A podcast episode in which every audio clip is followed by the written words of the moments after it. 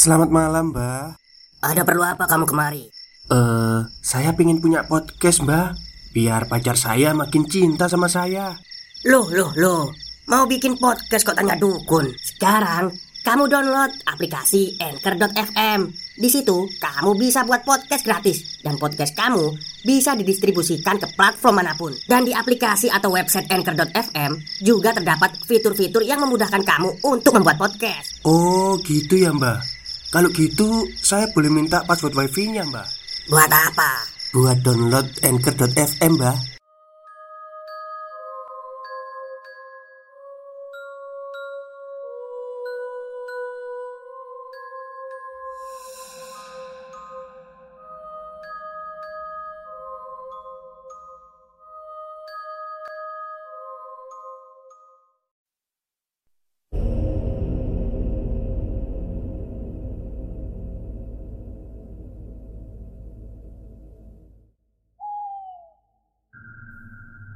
Assalamualaikum warahmatullahi wabarakatuh. Halo semuanya. Jumpa lagi dengan saya Chow Sing Sing Kurator dari podcast Horror Night Story. Narator ya harusnya ya. Tapi Sepertinya saya harus pakai kurator aja ya nggak apa-apa. Dan seperti biasanya Pada siang hari ini Saya kembali dan akan menghadirkan sebuah kisah mistis untuk kalian semua. Kisah mistis kali ini saya datangkan dari tweet twitternya Mas Wahidun Yang menceritakan tentang Andong Pocong Jadi Andong Pocong ini merupakan Ghost Rider tipe kearifan lokal ya jadi kalau di luar itu kan naik sepeda motor terus berapi-api gitu ya. Ini beda. Jadi ini naik andong gitu Terus yang mengendarai pocong. Oke, daripada kita berlama-lama Mari kita simak ceritanya. Halo Lur Seperti yang kemarin sempat ku sampaikan Minggu ini baru saja aku dapat cerita yang sempat ramai di daerahku. Kisah ini aku tulis secara singkat saja ya. Sambil menunggu cerita selanjutnya, kalian bisa baca cerita ini dulu. Kisah ini menceritakan sebuah kejadian horor yang dialami oleh Ayo dan Ripin. Kejadian itu mereka alami tatkala hendak berwisata di pantai selatan Sebelum kalian membaca cerita ini, mohon untuk kalian yang mungkin tak asing dengan kejadian yang ada di sini, jangan spill lokasi ya. Dan biarlah cerita ini menjadi bahan bacaan saja, yang semoga saja dapat menjadi hiburan dan syukur jika kalian bisa mengambil hikmahnya. Pen, ayo berangkat sekarang aja. Biar besok saat matahari terbit Kita udah sampai di pantai. Ini aku udah ada tendanya. Ucap Ayo di telepon malam itu. Jadi malam ini Ayo dan Ripin berencana untuk bermain di pantai selatan.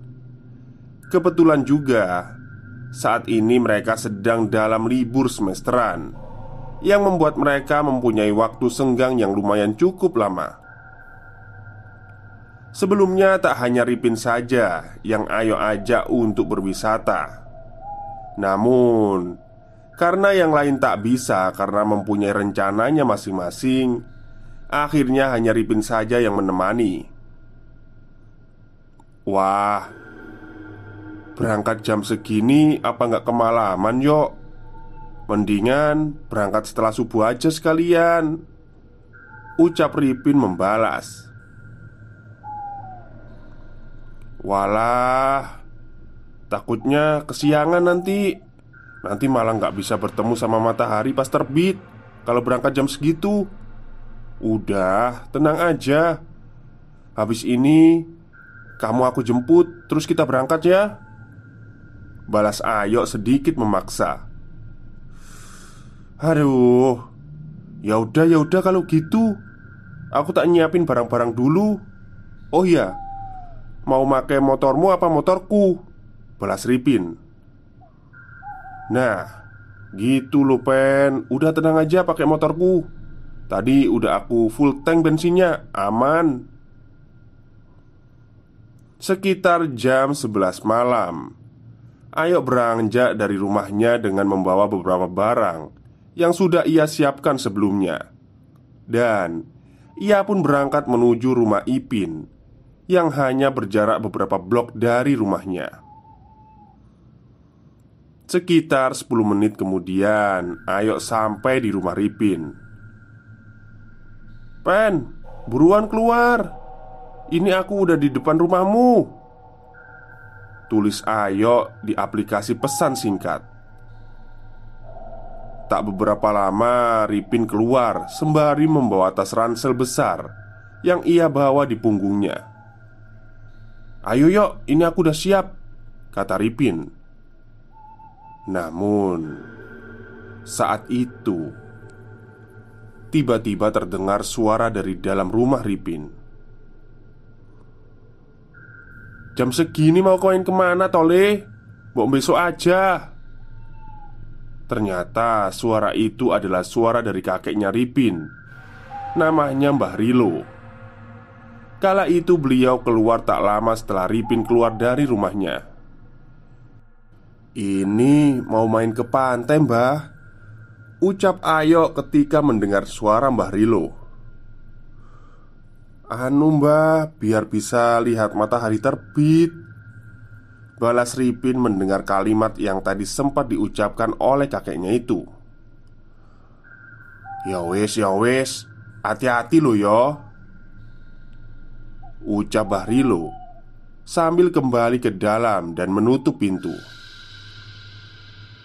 Akhirnya, Ripin dan Ayo berangkat dari malam itu. Mereka mulai bertolak dari rumah Ripin sekitar jam setengah dua belasan.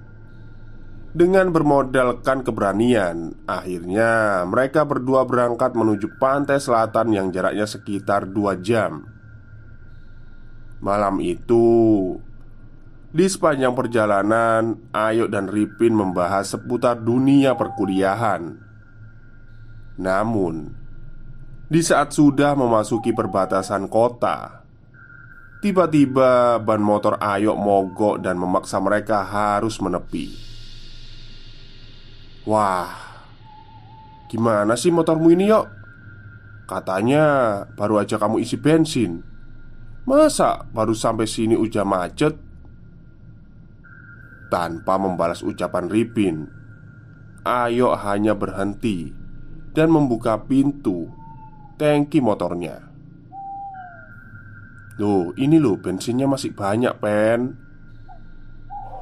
Ayo sontak berteriak ketika melihat kondisi motornya. Aduh, mosok sih macet. Coba di starter lagi. Balas Ripin sambil menoleh ke belakang sambil berharap Semoga ada orang yang membantu mereka. Namun, itu hanya sebatas harapan, karena semakin malam semakin larut. Siapa yang melintas jalan di tengah malam gini selain truk dan bus lintas provinsi? Setelah mencoba beberapa lama, akhirnya motor yang mereka tumpangi menyala kembali dan akhirnya mereka meneruskan perjalanan. Sekitar satu jam perjalanan, mereka telah sampai di jalan yang hanya tinggal lurus beberapa kilometer lagi. Mereka sudah sampai ke pantai yang ingin mereka tuju. Namun, entah mengapa tiba-tiba hujan turun dengan lebatnya dan mengharuskan mereka berteduh secepatnya jika tak ingin mereka basah dan kedinginan di tengah malam. Itu di depan kayaknya ada angkringan, Yok. Mampir ke sana aja ya. Biar sekalian kita bisa beli minum dan cemilan buat isi perut. Balas Ripin sambil menundukkan kepala, menghindari hujan yang mulai membasahi tubuhnya. Permisi, Pak. Pak, susu jahe dua ya pak. Diminum di sini. Ucapnya sambil masuk ke dalam angkringan. Oh, nggih mas, monggo monggo, duduk dulu. Itu temennya disuruh masuk dulu, takutnya nanti hujannya makin deras. Balas pemilik angkringan Pen, cepetan masuk sini. Ngapain kamu di sana? Ucapnya pada Ripin. Dengan suara sedikit berteriak Karena suara hujan yang membuatnya bising. Kala itu jam tangan menunjukkan sekitar pukul 2 pagi. Sebenarnya Ayo dan Ripin Mengira bahwa mereka akan sampai di pantai sekitar jam setengah tiga Namun Karena hujan akhirnya Mereka akan sampai di sana tak sesuai dengan harapan. Malam itu suasana sangat sepi. Entah mengapa tak ada kendaraan satupun yang melintasi jalan. Ditambah lagi hanya Ayo dan Ripin yang menjadi pelanggan angkringan kala itu. Aneh sekali Ini angkringannya sepi sekali pak. Padahal hari libur loh. Tanya Ayo sambil duduk dan melipat jaketnya. Enggak mas. Hujan kayaknya. Biasanya ya jam segini tuh banyak sekali bocah-bocah yang jagongan nongkrong di sini. Balas pemilik angkringan, itu. Monggo mas, ini susu jahenya. Imbu pemilik angkringan sembari menyuguhkan dua gelas susu jahe hangat untuk Ayo dan Ripin. Oh, nggih pak, matur nuwun. Ucap Ayo sambil mengambil dua batang sate usus yang ada di depannya. Hujan kala itu semakin lama semakin deras Yang sepertinya menandakan jikalau Bahwa hujan nampaknya akan sedikit awet Sembari menunggu hujan reda Ayo dan Ripin Berbincang sesekali sambil bercanda. Namun, di saat mereka sedang asyik berbalas canda, tiba-tiba bapak pemilik angkringan itu ikut nimbrung dalam obrolan mereka. Malam-malam begini mau ke mana mas? Kok bawaannya tas besar-besar? Ucap bapak pemilik angkringan pada Ayo dan Ripin. Wajar saja bapak itu menanyakan hal demikian. Mungkin saja karena beliau melihat dua tas karir Yang Ayok dan Ripin bawa. Oh iya pak. Ini saya rencana mau ngecamp di pantai Pengennya sih sampai sana sebelum subuh Terus nanti mau bangun tenda sekalian Balas Ayok sambil nyeruput susu jahe untuk menghangatkan tubuhnya di tengah kondisi hujan lebat malam itu. Oh, tapi memangnya Mas bukan warga kota sini ya? Kok bawaannya sebanyak itu? Balasnya lagi. Iya, Pak. Saya sama teman saya ini dari kota sebelah. Ya, dua jaman lah dari sini kalau pas nggak macet. Hehe. Balas Ayok lagi. Oh alah, iya iya mas Motormu platnya bukan plat sini ternyata Ucap pemilik angkringan Sambil menoleh ke arah motor Ayo Hehe Nggih pak Bapak jualan itu biasanya jam segini sampai jam berapa pak? Kok jam segini masih belum pulang? Tanya Ripin. Ya nggak mesti mas. Kadang Jam satu udah pulang. Kadang yo Subuh baru pulang. Wis pokoknya ya nggak mesti. Apalagi sekarang ini hujan Bapak biasanya nunggu hujan berhenti terus pulang Ucapnya. Sampean sering nemui hal-hal aneh nggak pas selama jualan di sini pak? Apalagi jam segini jalanan udah sepi loh. Tanya Ripin tiba-tiba. Di saat Ripin menanyakan hal itu Entah kenapa Suasana menjadi sangat hening Dan senyap Seolah hanya suara rintik hujan saja yang terdengar Dan tak ada suara yang lain. Cangkemmu iku pen. Mbok ojo ngawur. Jam segini tanya demit. Kalau datang beneran gimana? Kamu mau?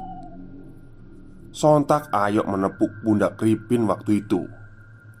Lah Aku kan cuma tanya. Gak dijawab ya gak apa-apa. Balasnya sambil cengingisan. Sebelum bapak angkringan itu menjawab pertanyaan Ripin Sesekali Bapak pemilik angkringan itu Menoleh ke kanan dan ke kiri.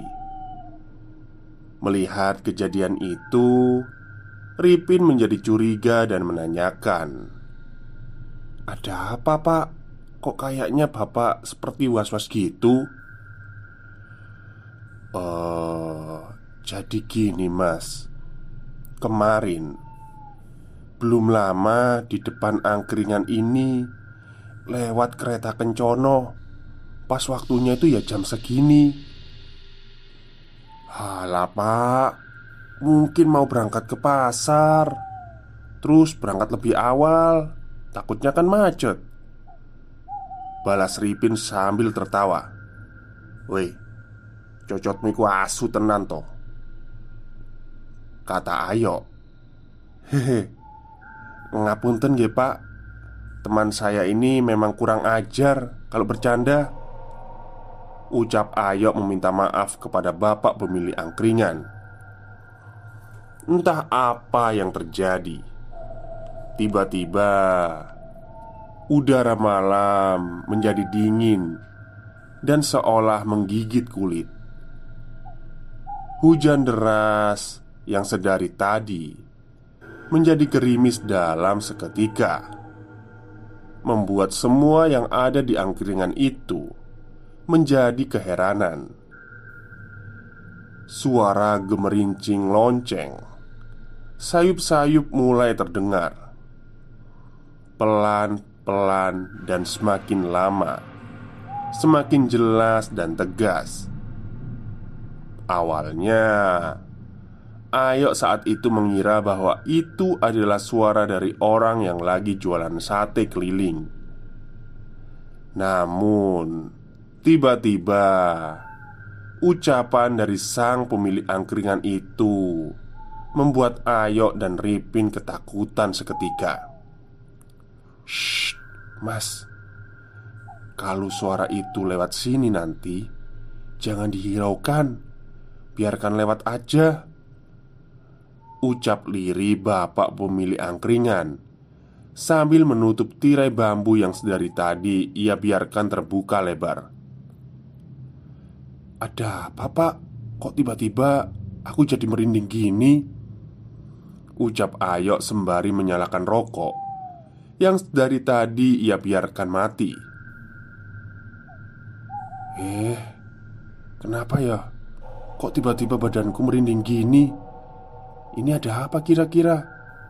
Saut Ripin seketika juga Saat itu tiba-tiba pemilik angkringan itu menjadi salah tingkah Namun Dari gerak-geriknya itu menjadikan Ayo semakin penasaran Mengenai apa yang sebenarnya terjadi. Pak, ini sebenarnya ada apa? Tanya Ayo Ya ini mas Yang tadi mau saya ceritakan. Udah pokoknya masnya nanti kalau ada suara kereta kencono Udah diam aja Nggak usah ditanggapi Balas pemilik angkringan. Belum lama dari ucapan itu berhenti Tiba-tiba suara Delman itu semakin keras Ayo dan Ripin menjadi panik langsung beranjak dari tempat duduknya dan menghampiri pemilik angkringan. "Pak, Pak, aku ke situ ya, jajar sampean." Katanya sambil gelagaban Oh, oh pak Kayaknya ini gara-gara cocotku Kata Ripin. Suasana malam itu semakin memanas tatkala suara Delman itu berhenti tepat di depan angkringan. Sehingga belum sempat menjawab ucapan Ayo dan Ripin. Tiba-tiba Lampu angkringan menjadi redup dan mati. Sesaat ketika suara Delman itu berhenti. Pak, gimana ini pak? Bisik Ayo. Iya pak, saya belum pengen mati. Saut Ripin sambil berbisik pula. Bukannya menjawab Pemilik angkringan itu hanya diam dan seolah sedang melantunkan doa. Dan benar saja.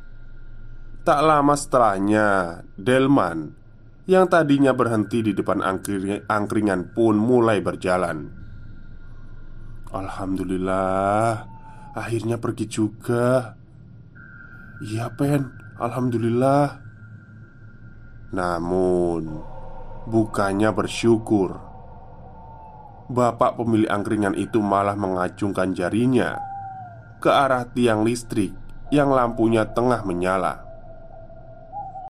Stop, stop, kita break sebentar. Jadi, gimana? Kalian pengen punya podcast seperti saya? Jangan pakai dukun, pakai anchor, download sekarang juga gratis. Itu, Mas, coba lihat. Penasaran sama apa yang sampean tadi dengarkan?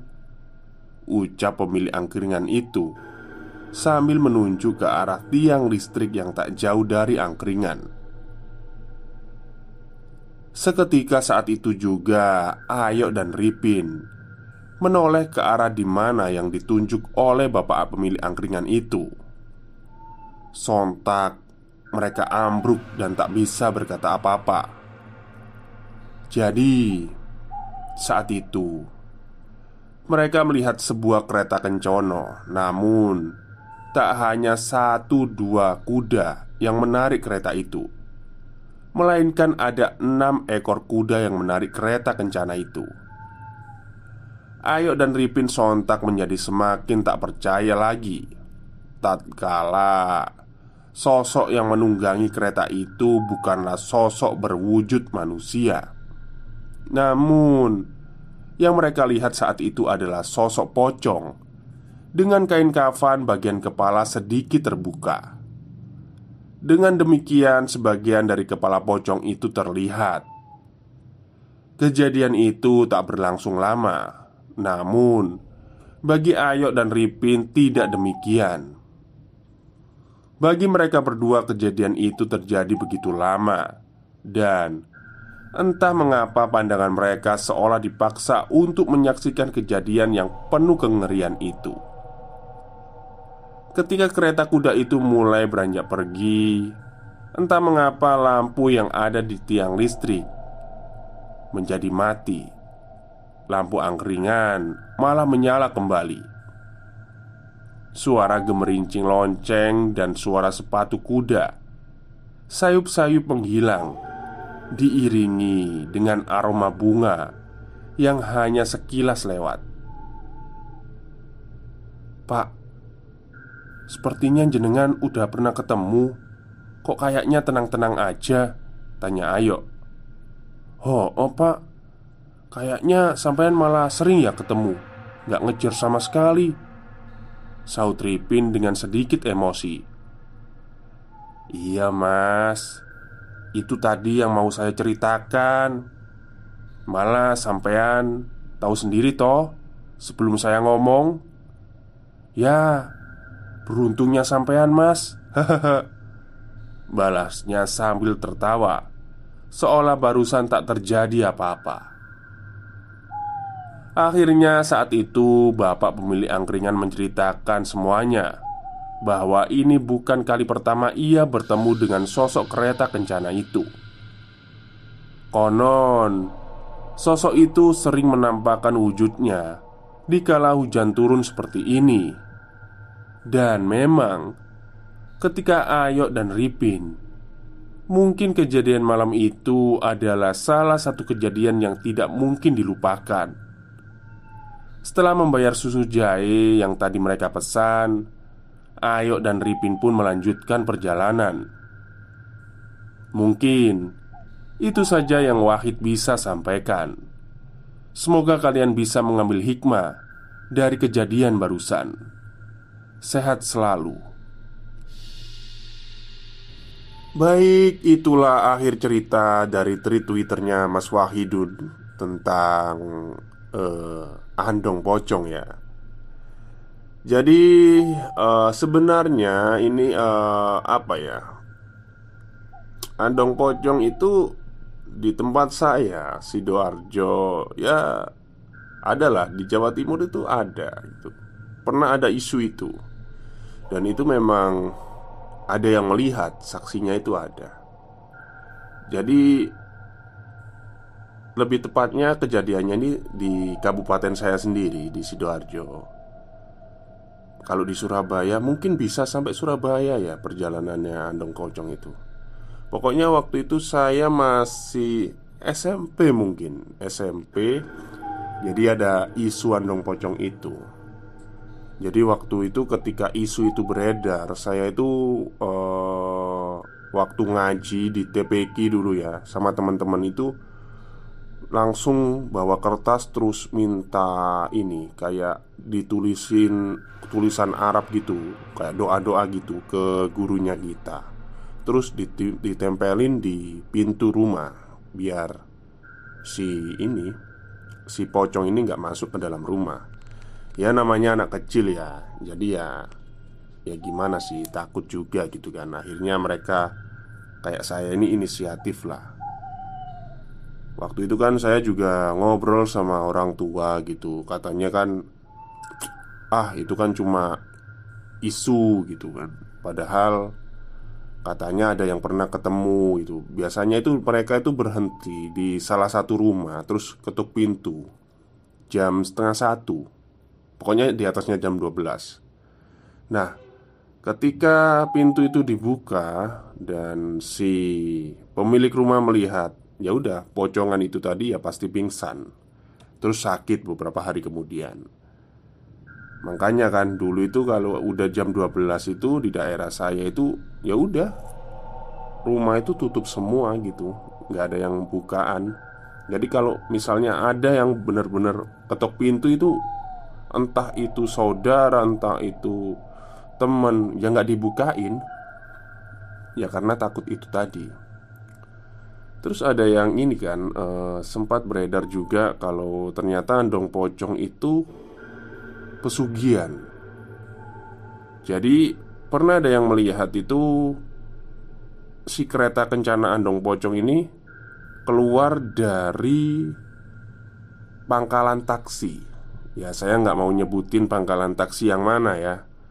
Pokoknya adalah Jadi mau keluar dari pangkalan taksi Terus ya udah keliling gitu. Ya kemungkinan pemilik pesugihan Andong Pocong ini ya Bisa jadi yang punya pangkalan taksi. Tapi ya nggak tahu juga sih.